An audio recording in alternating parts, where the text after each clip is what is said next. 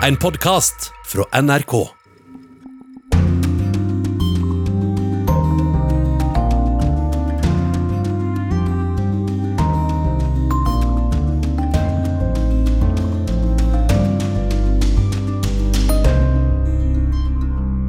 there has to be conspiracy theories in order to keep people guessing, you know. If you don't have conspiracy theories, you can't keep people guessing, and if you don't have people guessing, then you never have a mystery. Konspirasjonsteorier gir folk noe å tenke på i USA, mener Jennifer, som hyller president Trump. Alle statuer koblet til slavehandel og undertrykking bør fjernes, mener demonstranter i flere land nå. Hør hvorfor statuen av Winston Churchill da er utsatt. Nesten 5000 er døde av koronaviruset i Sverige. Men de som protesterer mot landets håndtering av krisen, blir spyttet på. Og hva har en smultring å gjøre med økonomisk styring? Lær om smultringøkonomien. Velkommen til Urix på lørdag med Anja Strønen i studio.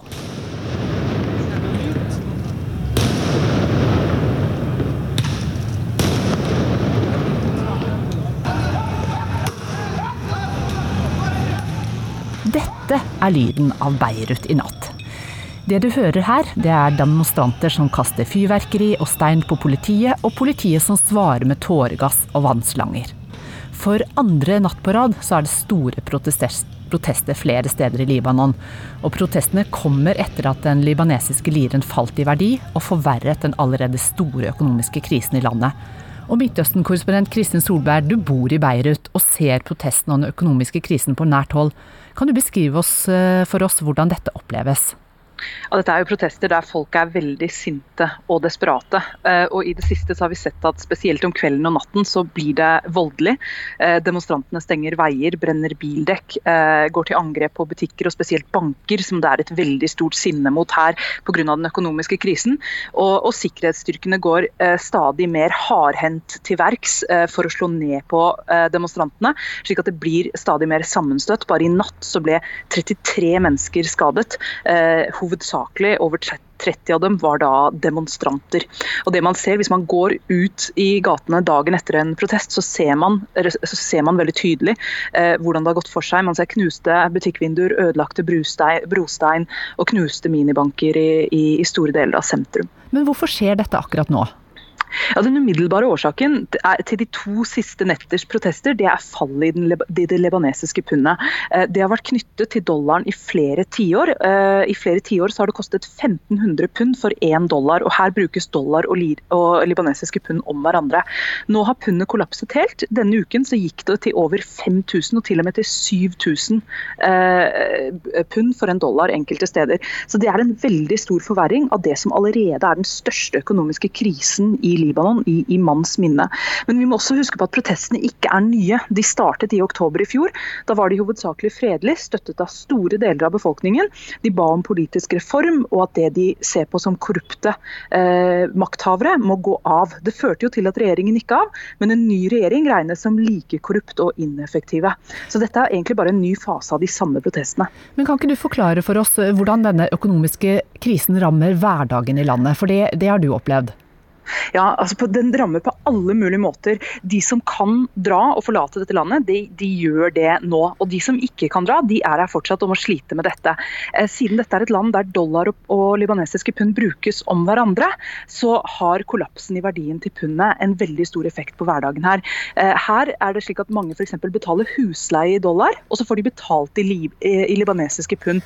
Og Det betyr at, kanskje, at husleien deres er blitt tre ganger, fire ganger så dyr som det den var for åtte-ni måneder siden siden. I tillegg så har jo mange mistet jobben eller opplevd at lønnen er blitt kuttet, uh, kuttet uh, kraftig. Uh, mange, jo, mange selvstendig næringsdrivende har gått dukken, både pga. den økonomiske krisen og også pga. koronatiltakene, som gjorde alt bare mye verre. Og Vi ser også at prisene øker veldig dramatisk. Eh, her er jo mye importert. Eh, slik at Hver gang jeg går til butikken, så ser jeg hvor, blir jeg sjokkert over hvor mye dyrere det er enn i forrige uke. Eh, og det skjer uke for uke. I går så kjøpte jeg f.eks. en gulost, en helt vanlig goudaost i vanlig størrelse, til nesten 300 kroner. Som jo er helt vanvittig. Og for mange her så betyr sånn, eh, sånn dramatisk økning i prisen, prisen at man går sulten. Og fattigdomsraten her den kommer til å øke fra 30% til 50% bare i år. Og det er veldig, veldig dramatisk. Helt, helt kort eh, til slutt, eh, Kristin Solberg. Det er ventet nye protester i morgen. Hva, hva kan vi vente oss der? Ja, Det blir antagelig en ganske stor uh, protest, uh, som på, på, dagtid er fredelig, så kanskje eskalerer den utover kvelden.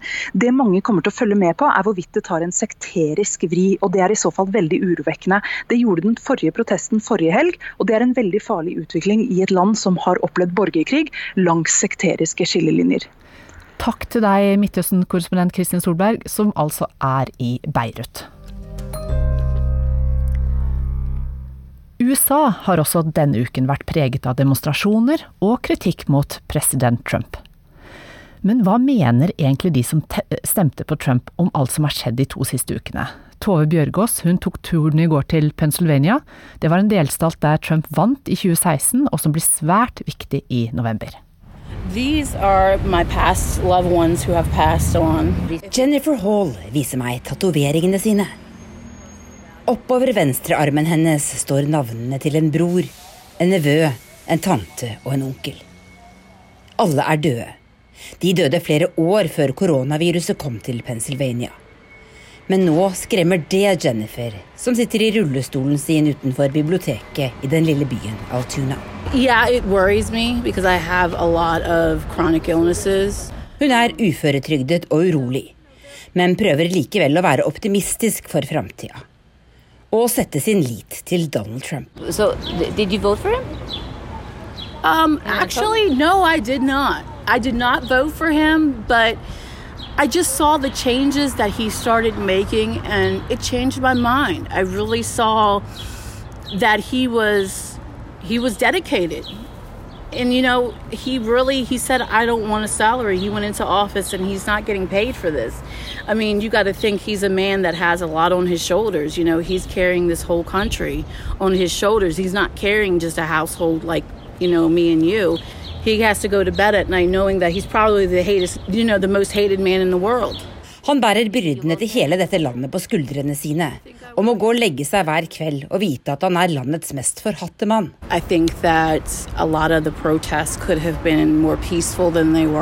Jennifer har fulgt med på demonstrasjonene mot politivold som stort sett har foregått i byer langt unna, på TV. Hun synes det er dumt at folk plyndrer og ødelegger. Hvem som står bak, vet hun ikke. Antifa vet hun heller ikke hvem er. Men denne uka vakte det oppsikt da president Trump tvitret at en 75 år gammel menneskerettighetsaktivist som havnet på sykehus med en hodeskade etter å ha blitt dyttet av politiet i byen Buffalo, kan ha vært en provokatør fra den antifascistiske bevegelsen Antifa. Trump sprer konspirasjonsteorier, ropte CNN og andre medier. Jennifer mener folk i USA trenger konspirasjonsteorier. There has to be conspiracy theories in order to keep people guessing, you know. If you don't have conspiracy theories, you can't keep people guessing and if you don't have people guessing, then you never have a mystery. Is it like like gossip in the news? Like Of course. Yes, yes. Gossip? Always need gossip. Konspirasjonsteorier gir folk noe å lure på. De gjør at vi aldri er helt sikre på hva som er sannheten. Vi trenger dem, akkurat slik vi trenger rykter og sladder sier hun.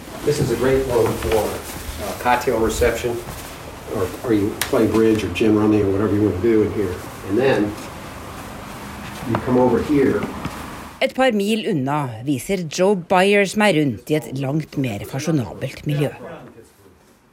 Vi har nettopp spist lunsj ute på terrassen i den staselige countryklubben Rolling Rock fra 1917, med golfbane og egen ørretelv. Joe viser fram et maleri av onkelen sin på hest, elegant i rød ridejakke og med flosshatt. Joe Byers har vært forretningsmann hele livet. Han har lite til felles med Jennifer. Bortsett fra at også han følger urolig med på demonstrasjonene. Han støtter antirasistisk politireform, men mener noen av protestene er iscenesatt for å skape kaos. So people that want to Trump the more unrest they can stir up, the weaker the economy is going to become. You're going to create like chaos, anarchy. Well, I think there's I think there's a potential for chaos. Det er mange grupper som er med her som ønsker å svekke økonomien for å skade Trump, sier Joe. Antifa is part of the problem, but there are well with Antifa alone, there are 40 states that have organized Antifa structures, but there are five or six other discrete organizations that are highly mobilized and like to jump on a cause like the uh, George Floyd situation. Many are trained offshore, and then they come to the United States and they try to wreak havoc. Antifa er en av dem. Kommunistiske og andre venstreradikale grupper med støtte utenfra er også med, mener han. Uh, who do you think are, are financing some of this? I would it be sheer speculation on my part. I've heard the names like George Soros, but, but I don't know. Joe Byers mener de får finansieringen sin fra mange steder. Kanskje også fra den kjente finansmannen og filantropen George Soros. Jeg er tilbake i arbeiderklassestrøket i Altuna, der 70% stemte på Trump i 2016. Excuse me, hi there. Hi, uh, my name is Tove. I'm a radio reporter. Utenfor togstasjonen sitter Tony og Diana og venter på toget til Pittsburgh. Can I ask how you feel about the president? How he has handled this? He's an idiot. You think so? You don't like him? No. Did you vote for him? We did, but he used to like him. Jeg likte Trump før, men ikke nå lenger, sier Diana. Han ba oss jo om å drikke klorin. Det er helt sykt. Tony stemte på Trump, men i november blir det annerledes. You think you vote in November? Or? Am I gonna vote? Yeah, do you think so? Yeah, I'm gonna vote. For for the other guy then? or- Yeah. For Biden? Yeah.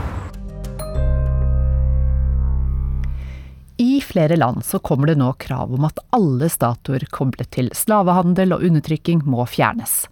Under en Black Lives Matter-demonstrasjon i London sist helg, så ble en statue av Winston Churchill utenfor parlamentet sprayet med graffiti.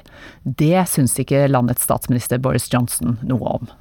You've got a situation in which the, the statue of, of Winston Churchill, who is a national hero, has had to be boarded up uh, for fear of violent attack. And that, to me, is both absurd and, and wrong. Det var klar tale fra statsministeren der, men eh, korrespondent med oss fra London, Øyvind Nyborg, det er ventet nye demonstrasjoner i dag. Men først forklar oss hvorfor Churchill-statuen er så utsatt, når statsministeren tydeligvis er så begeistret? Ja, Statsministeren har jo Churchill som sin, eh, politiske, sitt politiske forbilde, men Churchill var jo en ihuga forsvarer av det britiske imperiet. og Samtidig så kom han jo med en del uttalelser eh, som kan eh, ses på eh, på den måten at han så på den hvite rase eh, som mer overlegen enn svarte. og Det kom også uttalelser fra ham om at uh, f.eks. indere eh, eh, og andre eh, grupper, f.eks. afrikanere, som vi nå ser på som eh, rasistiske. Men eh, det Boris Johnson er inne på, som veldig mange andre er enig med han om, er jo at eh, gjennom hele krigen så var jo han en nøkkelperson i å befri Europa fra Hitlers eh, fascisme. Og, og derfor så er det jo mange som syns det blir rart å ta ned Churchill-statuen. Men alle disse som da protesterer og som, eh, som eh, ikke vil ha disse statuene der, eh, hva er, det, hva er det de ønsker å oppnå? De mest iuga folkene vil jo fjerne statuene helt. Eh, Og det er jo særlig, som du sa, eh, statuer av tidligere slavehandlere, eh, slavehandlere som er målet for det. og Vi jo så jo forrige helg hvordan statuen av Edward Colston ble kastet i sjøen, revet ned i, i Bristol. Men så er det jo en del som mener at disse statuene de må tas ned, men settes på et museum. Men så er det også en del, også som jeg møtte i går på Parliament Square, som sa at det er viktig at de, står som en påminnelse om eh, britenes rasistiske historie. At man, man kan på en måte ikke bare eh, viske ut eh, historien og late som om rasisme ikke er noe som har eksistert eller fortsatt eksisterer. Og så er det noen som mener at statuene bør eh, stå, og, men stå med en plakat som setter den eh, personen oppå Pidelsdalen inn i en historisk sammenheng. Men Øyvind Nyborg, det finnes vel ganske mange av disse statuene, og hva i alle dager gjør eh, myndighetene i Storbritannia nå med disse protestene?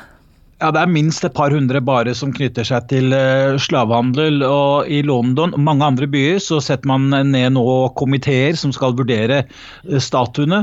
Uh, Storbritannia har jo en historie som kolonimakt, og sjelegransking her det er jo ikke noe nytt i forhold til det. Det som er nytt nå, er jo Det er spesielt å, å se hvordan statuer nå blir snekret inn, pakket inn i bokser i fare for at de skal bli utsatt Eh, for hærverk. Tusen takk skal du ha, korrespondent Øyvind Nyborg med fra London, hvor det altså er ventet mer protester i dag. Urfolkene i Amazonaslandene er i stor fare pga. koronapandemien, skriver FN i en erklæring. Og det bor mer enn 400 urfolksstammer i dette området, og det er registrert flere tusen smittede. I et intervju med NRK kommer en sentral urfolksleder i Peru med følgende nødrop til verden.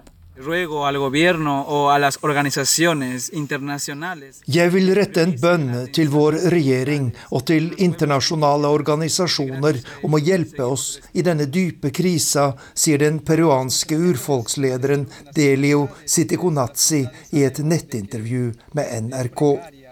Koronaviruset rammer stadig flere landsbyer. Vi har ingen sykehus, og det er økende mangel på mat, sier han. Det bor tre millioner urinnvånere i Amazonas. De tilhører rundt 420 stammer, og de bor i landsbyer i Peru, Brasil, Colombia og seks andre land. 120 av stammene er rammet av koronaviruset, og det er bekreftet rundt 630 døde og 7000 smittede men de virkelige tallene er trolig langt høyere, og bare noen titall døde kan bety at en hel stamme med en opptil 1000 år lang historie er utryddet. En av urfolkslandsbyene er Tres Unidos, som ligger noen mil fra storbyen Manaus i den brasilianske delen av Amazonas. Hit kom viruset for noen uker siden, og foreløpig er 20 av de 100 innbyggerne blitt smittet. Samtlige gjennomgår nå hurtigtester etter at landsbyen har fått tilsendt utstyr fra myndighetene. Høvding Valdemir Kambeba er dypt bekymret for fremtiden. Det er en doença perigosa. Dette blir ikke enkelt. Det er en farlig sykdom, og vi har bedt folk om å være sterke og hjelpe dem som allerede er smittet. Urfolk har dobbelt så stor dødsrate for korona som andre. Vi lever tett, vi har svak immunitet, og diabetes og andre sykdommer er utbredt, sier høvdingen i landsbyen Tres Unidos. Não foi só bala que matou meu povo, não. Tanta epidemia Det var ikke bare kuler som drepte mitt folk. Alle epidemiene utryddet mange av våre stammer, lyder teksten i denne sangen som er blitt delt på internett de siste ukene. Frykten for smittsomme sykdommer sitter i sjela til Latin-Amerikas urfolk. Det var først og fremst slike sykdommer som tok livet av urinnvånerne da europeerne kom for 500 år siden, sier den kjente urfolkseksperten José Bessa til NRK her i Rio. Foi uma das maiores catástrofes demográficas da história da humanidade. Det var en av de største befolkningsmessige katastrofer i menneskehetens historie. Ingen områder i verden er blitt tømt for folk så raskt som Amerika det første hundreåret etter at kolonimaktene kom hit. Rundt 90% av Amerikas urfolk ble utryddet i denne perioden, sier eksperten. Nå frykter urfolkene i Amazonaslandet en ny, stor smittetragedie. Dando na minha miséria, na mente lápis de uma velha floresta. Que tipo uma onça rugindo da cela indígena gritando da favela. Det var eh, Arnt Stefansen som var med oss fra Brasil. I Sverige er nærmere 5000 personer døde pga. koronapandemien. Den svenske strategien for å håndtere koronapandemien har vært omstridt, og nå vokser også motstand i Sverige. Og hver lørdag de siste ukene så har en gruppe møtt opp på Sergels torg i Stockholm for å si sin mening. Der har du også vært, utenrikskollega Eirik Wiem. Du kom hjem fra Sverige i går. Kan ikke du beskrive hvordan det ser ut på dette torget nå på lørdager? Ja, det er ikke så mange som kommer dit. Men de som kommer, de eh, gjør det veldig spesielt. De lager det nesten som en minnestund, med blomster, lys. De har noen plakater hvor det står hvor mange som har dødd det siste døgnet eller den siste uken. Og på plakatene står det også en del sånne oppfordringer til folk som går forbi, om at de må ta koronapandemien på alvor. Og så har de munnbind, og så deler de ut litt informasjon. Og så forteller de da om en strategi de da mener er eh, feilslått, og er veldig klare på at dette handler ikke om virus, det handler ikke bare om strategi, det handler ikke bare om, om sifre og, og plantasjer, hvor, hvor, mange som har, har eh, dødd de siste døgnet. Det handler om mennesker og menneskeliv. Men hvem er disse menneskene da, som står på torget og protesterer?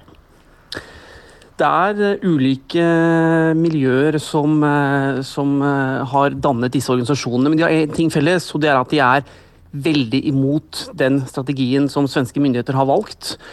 Og de er veldig tydelige på at de er ulike, men at de da ønsker endringer, og at Sverige skal bli strengere i sin håndtering av eh, koronapandemien. En av de jeg møtte, hun het Andreia Rodriguez og var talskvinne for da en av organisasjonene som kaller seg Save Sweden Cov-19. Vi er uh, en rørelse som forsøker å skrike til hele verden hva som hender i Sverige just nå.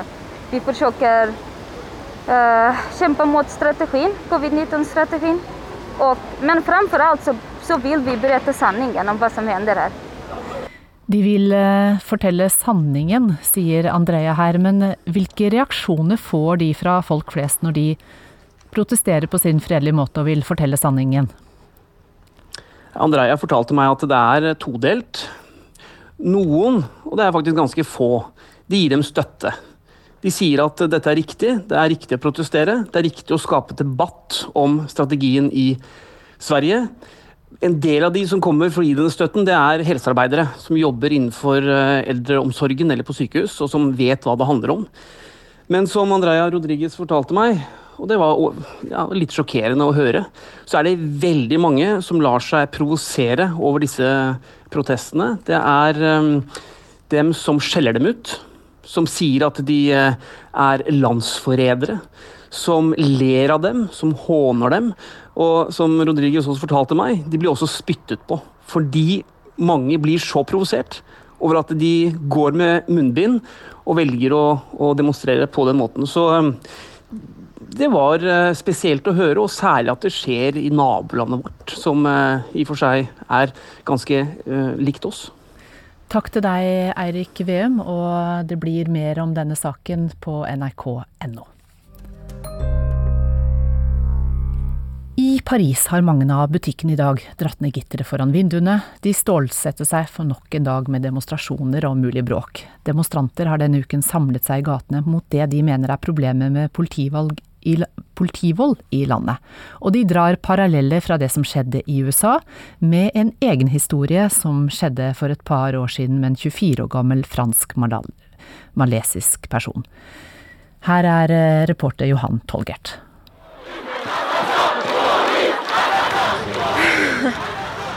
Euh, je pense que c'est hérité de notre passé colonial. Dagens polisvåld är nog tyvärr en kvarleva från den franska kolonialtiden och dess maktmissbruk, tror unga demonstranten Guanael som jag träffar på Place de la République i centrala Paris. Uppåt 100 000 fransmän har i flera omgångar demonstrerat mot polisvåldet i USA samt på hemmaplan. 2016 dog fransk-maliske Adama Traoré under ett polisingripande. Han var 24 år gammal. När vi tar strid för George Floyd tar vi också strid för Adama Traoré, har hans syster Assa Traoré sagt. Hon leder nu vissa demonstrationer mot polisvåldet i Frankrike, som idag. malheureusement, la mort de George Floyd euh, vient imager la mort euh, de mon petit frère. Amerikanen George Floyds sista ord var I can't breathe. Och Adama Traorés sista ord ska också ha varit Jag kan inte andas. Je n'arrive pas à respirer, säger systern här. Adama Traoré a dit je n'arrive plus à respirer. Tre poliser ska ha tryckt ner 24-åringen på marken och lagt sig över honom. Familjen är övertygad om att han kvävdes ihjäl. Men enligt officiella expertutlåtanden dog han av hjärtsvikt. Adama hade dock inga hjärtsjukdomar.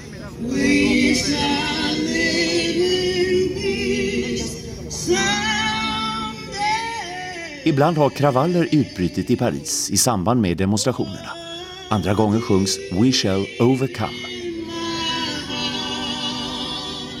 I veckan avslöjade grävande sajten Street Press en hemlig grupp på sociala medier bestående av 8000 poliser och som skriver rasistiska och homofoba kommentarer.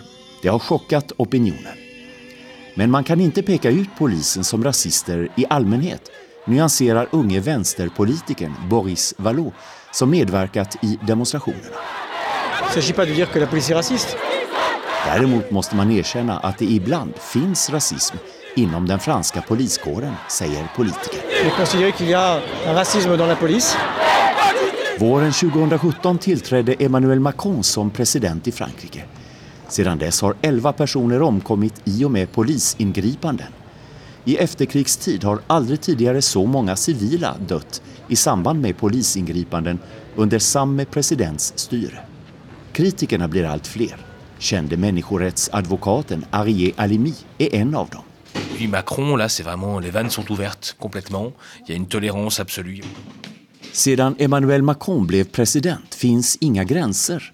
Polisen går i vissa fall alldeles för långt, säger Alimi när vi träffas på hans kontor. Inrikesminister Christophe Castaner har nu möte med representanter för polisen i hela fyra dagar. De ska avslutas först på söndag.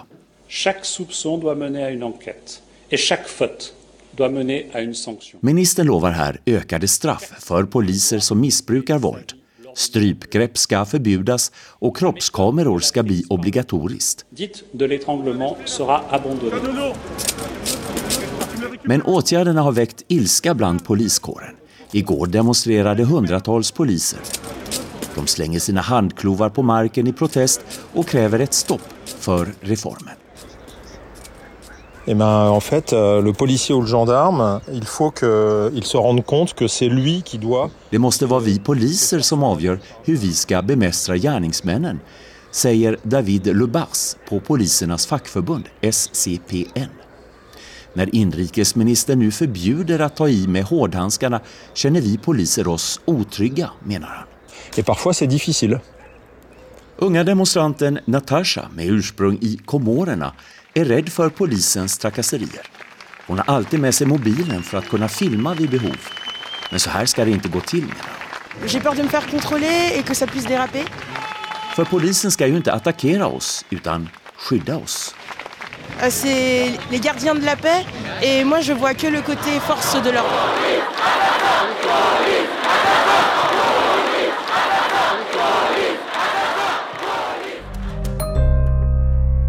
Vi skal holde oss til problematikken rundt politivold, for ukas korrespondentbrev er postlagt av Afrikakorrespondent Ida Titlestad Dalbakk. Afrikanerne vet så altfor godt hvordan det er å bli utsatt for vold fra politiet. Jeg turte ikke å gå ut og be om hjelp fra politiet i frykt for at de skulle banke meg opp. Kvinnen foran meg ser ned i linoleumsgulvet på krisesenteret i Mannberg utenfor Cape Town. Hun har på seg en gul maske for å beskytte seg mot covid-19-viruset. Hendene glatter nervøst på det blomstrete skjørtet, og håret er gjemt bort under en grovstrikket lue. Jeg stoler ikke på politiet i Sør-Afrika. Derfor turte jeg ikke å anmelde den voldelige kjæresten min, sier kvinnen som vil være anonym. Trebarnsmoren er en av mange sørafrikanere som er redd for politiet. Hun klarte omsider å rømme fra sin voldelige kjæreste, men det var ved hjelp fra nabokona. Kvinnen forteller at hun kjenner mange som vegrer seg for å anmelde saker fordi politimennene kan være så brutale. 230 000 mennesker har blitt arrestert i Sør-Afrika siden portforbudet ble innført i slutten av mars. På det afrikanske kontinentet er politivold vanlig i mange land. Derfor kjenner mange afrikanere seg igjen i historien om George Floyd, som døde etter å ha blitt pågrepet og kvalt av en politimann i Minneapolis i USA. I Afrika har det kommet sterke reaksjoner på politivolden i USA de to siste ukene. Demonstranter har møtt opp med plakater med ordene 'Black Lives Matter' i bl.a. Kenya, Ghana og Sør-Afrika. Flere amerikanske ambassader på kontinentet har blitt sentrum for demonstrasjoner. Utenfor det amerikanske konsulatet i Johannesburg sang demonstrantene i kor. Ordene var fra en tradisjonell anti-apartheid-sang. Hva har jeg gjort? Er synden vår at vi er svarte? Synden vår er sannheten. De dreper oss. Det er ekstremt mange svarte som opplever politivold i Sør-Afrika. Derfor står vi sammen om det som skjer både her i landet og i USA. Det sa Solomsi Henry Moloketi, som var en av demonstrantene. Samtidig som han og de andre demonstrantene støttet George Floyd, ropte de også navnet på en sørafrikaner som led en lignende skjebne 10. april. En uke etter at Sør-Afrika innførte portforbudet for å begrense koronaviruset, satt 40 år gamle Collins Kaasa i huset sitt i townshipen Alexandra i Johannesburg.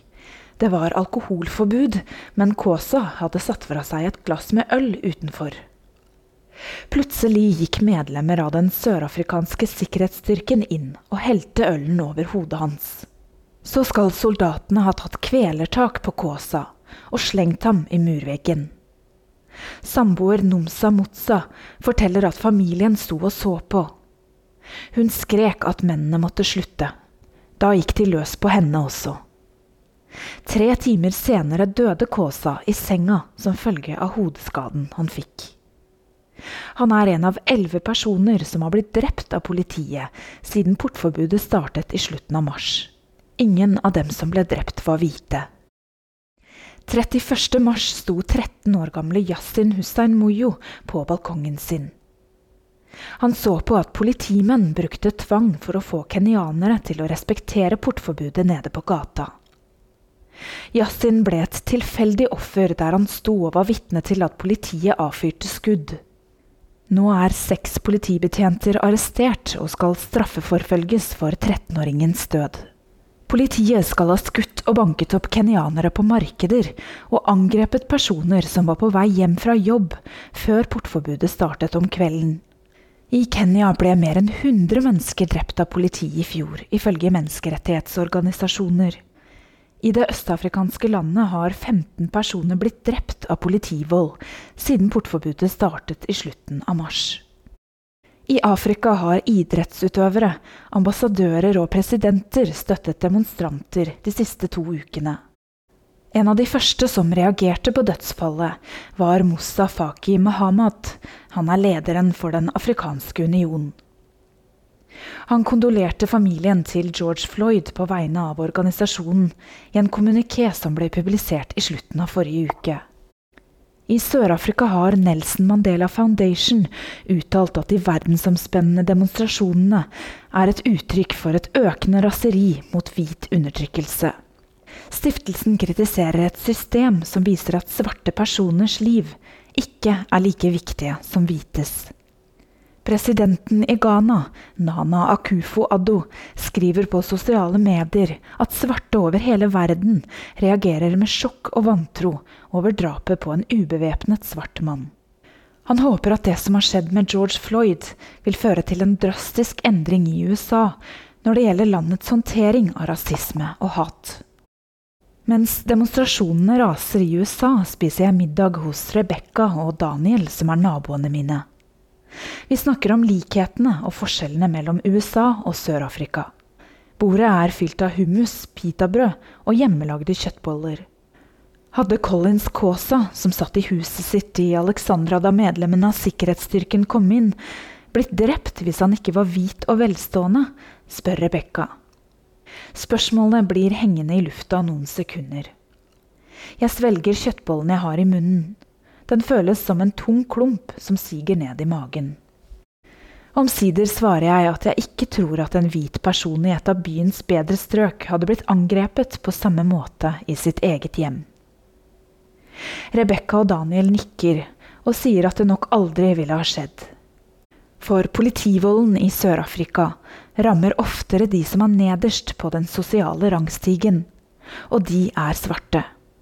Det sa Afrikakorrespondent Ida Titlesdal Dalbakk.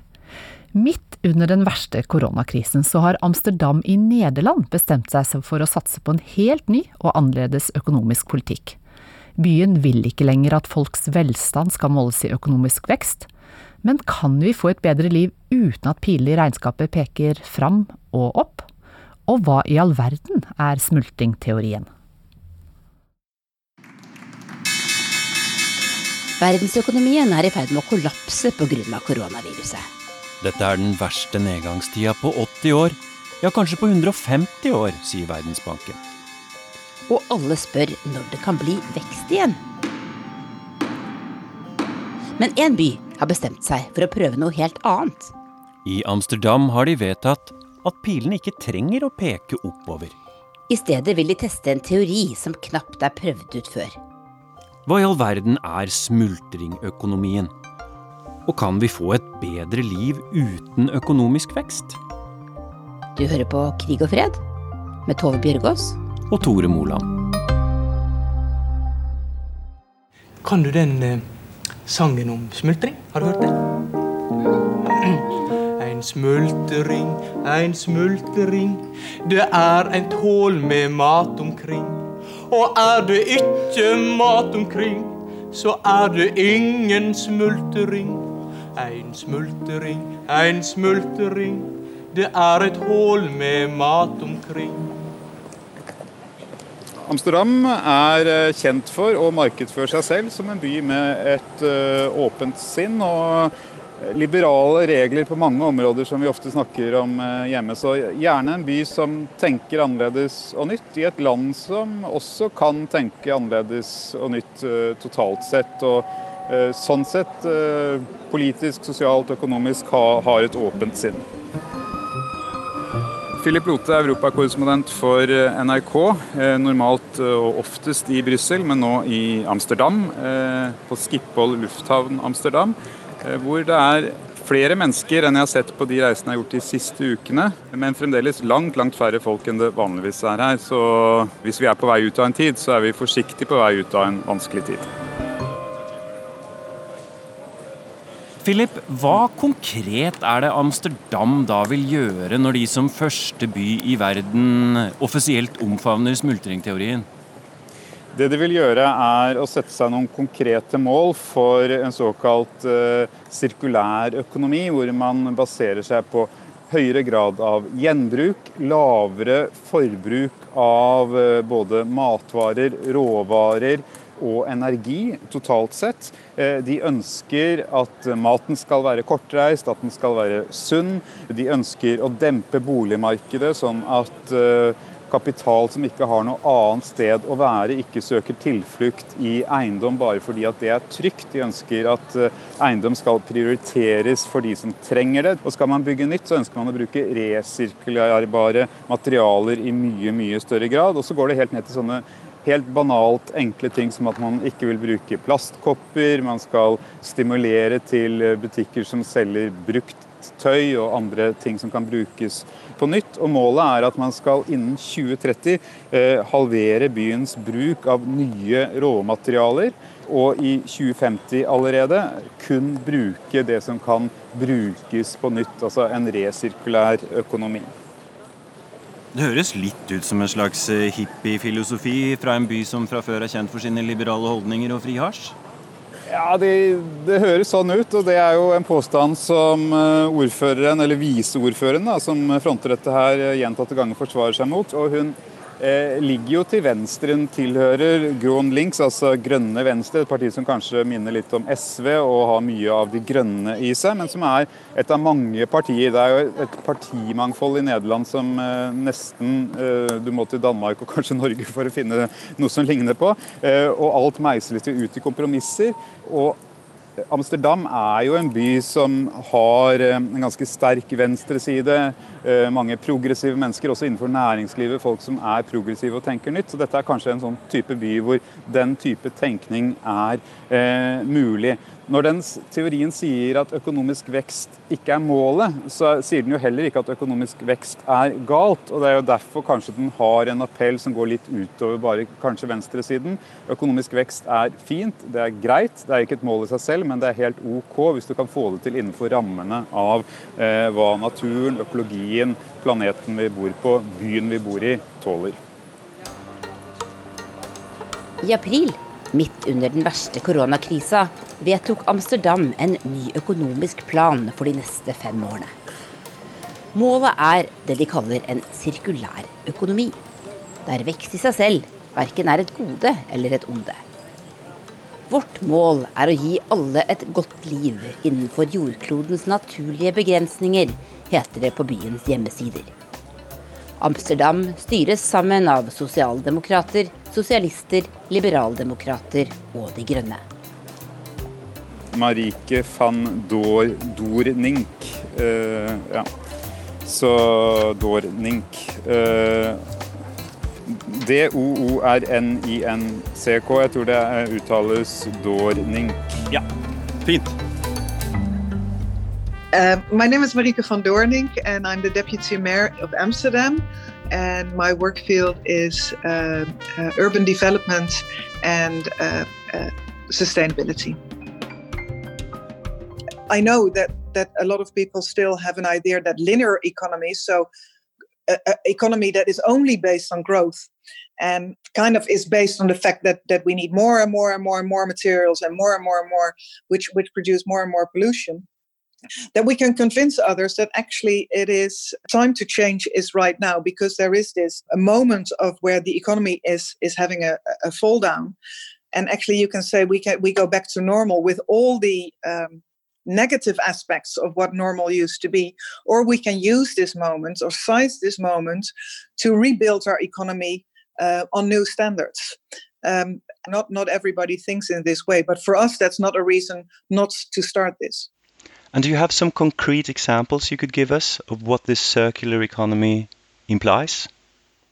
Yes, exactly, because it, it, it all sounds like very theoretical right now, but actually the things you can you can you, you can do yourself, you can do in a city. One of the things that we're doing is is really try to uh, to limit food waste, because it's of course strange that on one hand we have people starving from hunger, and otherwise we we throw away a lot of food. So we're supporting people of Amsterdam to for example, grow their own foods, and then the, the, organic materials that we actually throw away, that we can reuse them again, fertilizing the ground. So we can co- have a completely other way of looking at food waste. The other thing that we're doing is making it much easier uh, for uh, people of Amsterdam to reuse materials, to repair materials, to share materials. Um, and have like online marketplaces and repair services that we don't have to consume in the way that we're used to doing, but actually to uh, to have more of a, a sharing economy and more of a repairing economy instead of buying all kinds of new stuff. And the last one is how we're looking at our built environment to look at that we that that construction companies use much more sustainable materials such as, as woods or other uh, bio-based uh, materials, but also, for example, that we use much more materials that have been used in other buildings before. So those are a few examples of very practical which we can do within our own city without needing needing others. I was going to ask you about that, uh, Deputy Mayor. Amsterdam is a city in the Netherlands. You're a part of uh, the European Union and you have a huge port uh, doing business with the rest of the world. And the rest of the world is very much focused on market economies and focus on growth. How is this going to work in a larger perspective? Well, the fact that not everybody is on board yet doesn't doesn't mean we don't have to start.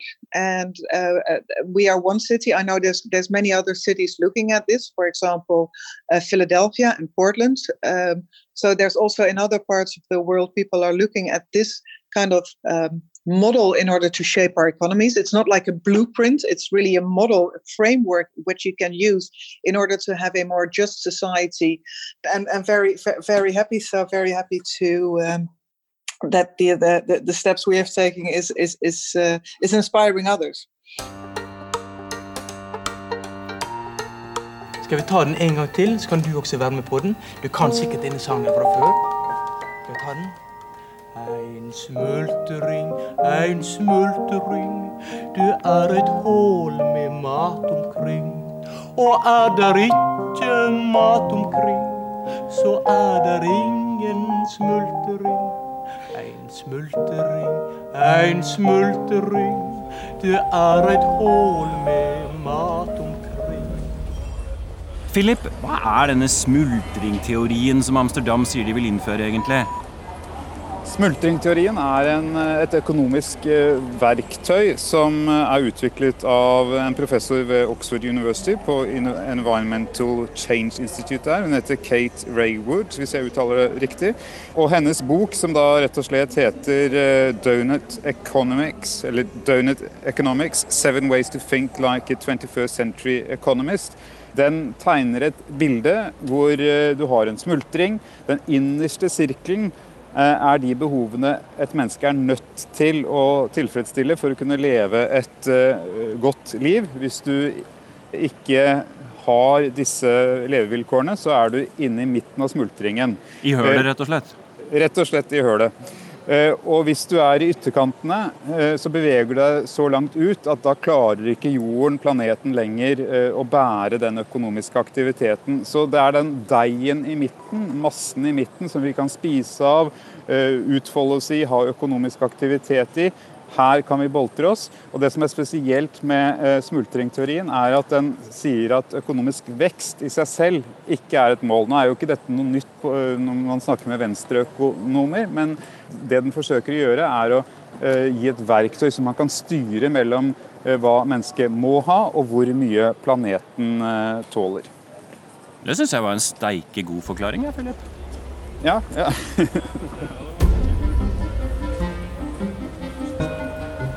Kate Rayworth heter dama bak det som kalles donut economics, smultringøkonomien. It's time to think again. To reimagine the shape of progress. I en TED-talk viser hun fram tegninga av smultringen sin, som hun nå vil snike inn i alle økonomiske lærebøker. Hullet i midten av smultringen er der menneskene havner hvis vi ikke har nok til å oppfylle våre grunnleggende behov. Og ytterkanten av smultringen er grensa for hva jordkloden tåler av påkjenninger. So that we can instead focus on thriving in balance within the social and the ecological boundaries of the donut. Målet er at hele menneskeheten skal kunne leve godt der inne i bakverket til den britiske økonomen. Jeg vil si at Dette er mer en tegne- og fortellermodell enn det er liksom en analytisk modell. For meg er det, Dette er litt stygt sagt, men det er litt sånn det jeg kaller for flyplassøkonomi. Det er sånn som selger på flyplassen. Og det er veldig fint. Det er, det er en ekstremt nyttig ting. Det det er, viktige folk som flyr. Det er forretningsfolk og politikere og sånn. Det er sånn som de kikker litt fort igjennom og sånn. Derfor kan de få et inntrykk av det. Jeg er Kalle Mone, er professor i økonomi på Økonomisk institutt, Universitetet i Oslo. Og du er en økonom som er opptatt av bærekraft og økonomiske forskjeller? Ja, kanskje mer det siste enn det første, men det henger jo sammen. Det er veldig vanskelig å få til en fornuftig politikk for å få til eh, hva skal jeg si, biologisk eh, bærekraft, med mindre en har, en har en følelse av å være i samme båt, at en har små forskjeller mellom folk. Men da jeg ringte deg og spurte om smultringteorien, så var den relativt ukjent for deg?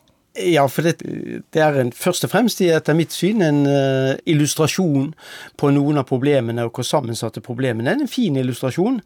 Jeg er usikker på om det er noe helt genuint nytt i, i dette, men det er viktig å se tingene i sammenheng, og, og, dette er en nyttig og god illustrasjon.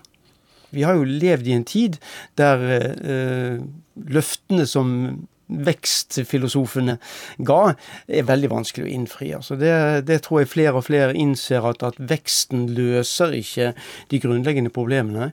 Mange i verden trenger økonomisk vekst, men ikke alle. Og noen kunne godt trenge litt negativ vekst. Men er det ikke veksten som gir oss velstand og et bedre liv, da? Det har det vært, men uh, la oss ta et eksempel. Når en ser for seg vekst, så ser en at en skal få seg en vekst i inntekt, så da skal en bo like godt som de som er mye rikere enn en sjøl er. Men når en sjøl er blitt omtrent like rike som de som en så veldig opp til, så ser en at, at det som de okkuperte av uh, goder og posisjoner i samfunnet, er blitt mye vanskeligere å oppnå, for dette er en absolutt knapphet på dette. Det er bare et begrenset antall tomter på Nordberg. Og det, Alle kan ikke bo på Nordberg, selv om det er veldig gjevt å bo der hvis du er rik nok. Og Nordberg er et veldig populært sted i, å bo i Oslo.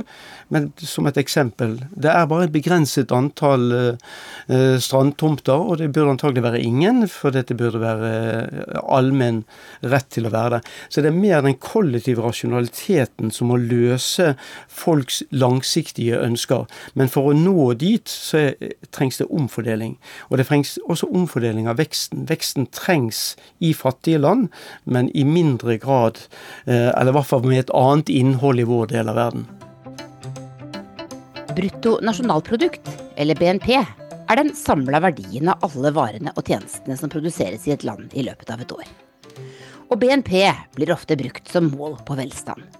GDP can be thought of as an overall grade on the economic report card of a country or region. Når man skal rangere hvor godt folk har det i forskjellige land, er det som regel bruttonasjonalprodukt per innbygger som sammenlignes.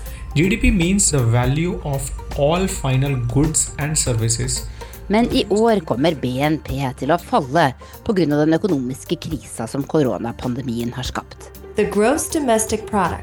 Norges BNP f.eks. falt med 11,4% i mars og april. Altså, BNP, altså nasjonalregnskapssystemet, ble laget med et begrenset formål. Det var aldri laget som en indikator for eh, velferd og levestandard. Det var liksom en del av den vurderingsgrunnlaget. Og til å holde orden på økonomien at, at uh, nasjonalregnskapet kom. Og det er mange alternative forslag eh, til hvordan en skal gjøre dette. F.eks. at et grønt BNP som legger større vekt på den slitasjen en har på naturen i å frambringe materielle goder. Og en har også en BNP som legger større vekt på eh, f.eks. verdiskaping i heimen, eller ting som er utenfor registrering på vanlig måte. Men hva er problemet da, Kalle Mone, med dette fokuset på ja, verdiskapningen? Det, det, som er Problemet med det er at, at en må passe på at en har med alle kostnadene. Uh, og en har med alle verdiene som blir skapt. Og begge deler er det store hull. Altså det er Kostnader, f.eks. er miljømessige kostnader, er i veldig liten grad med, med, mindre de er det noe du må betale for. Da er det en utgift, men hvis du ikke du betaler for å grise til, du har en svær elv og du forurenser hele elven, det er jo selvfølgelig en kraftig reduksjon i, i, det som blir skapt av verdier, for du har jo ødelagt mange andre verdier. Men hvis det du ødelegger ikke kommer med, så har du en, en unnlatelsessynd. Men å tro at en kan skape liksom at en kan beskrive liksom hvor godt det går med ett tall, det er jo en naiv tanke. Og ingen økonomer, så vidt jeg vet, har noen gang trodd det. Så er det kanskje ikke helt tilfeldig at Amsterdam vedtar dette midt oppi koronakrisa? Nei, det, mange vil jo si at, at kriser er liksom alle sosiale reformers mor. At en uh, bør benytte anledningen til det. Det er jeg i og for seg enig i at det er et fint utgangspunkt, men det er viktig at en har tenkt igjennom hva en skal gjøre. Ikke at en gjør hva som helst bare fordi nå er det krise. Da kan jo denne smultringteorien uh, være en, et hjelpemiddel til å ha tenkt igjennom hva en faktisk skal gjøre. Det er så mange ting som kaller seg for grønt, som uh, er en form for uh, omfordeling i favør av særinteresser, mer enn en grønn politikk for det store flertallet.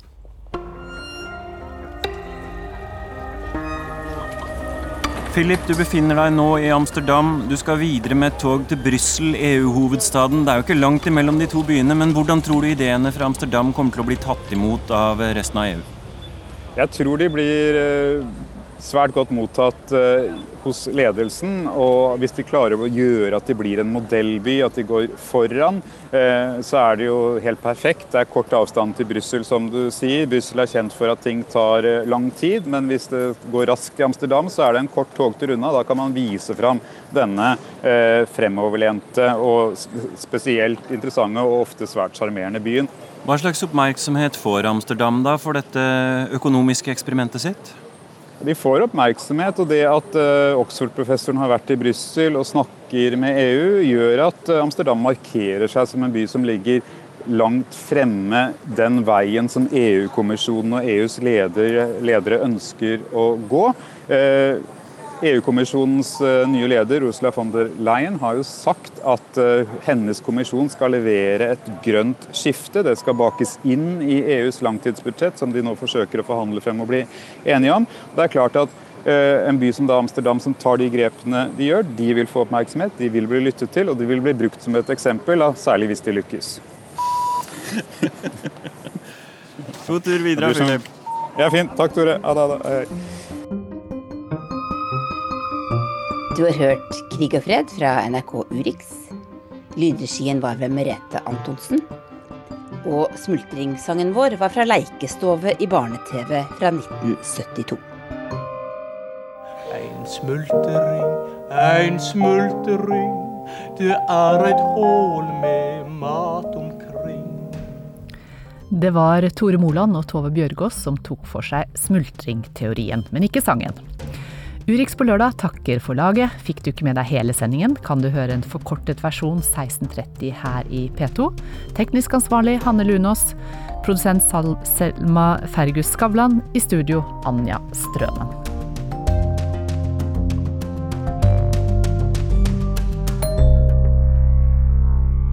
Du har hørt en podkast fra NRK. Hør flere podkaster og din favorittkanal i appen NRK Radio.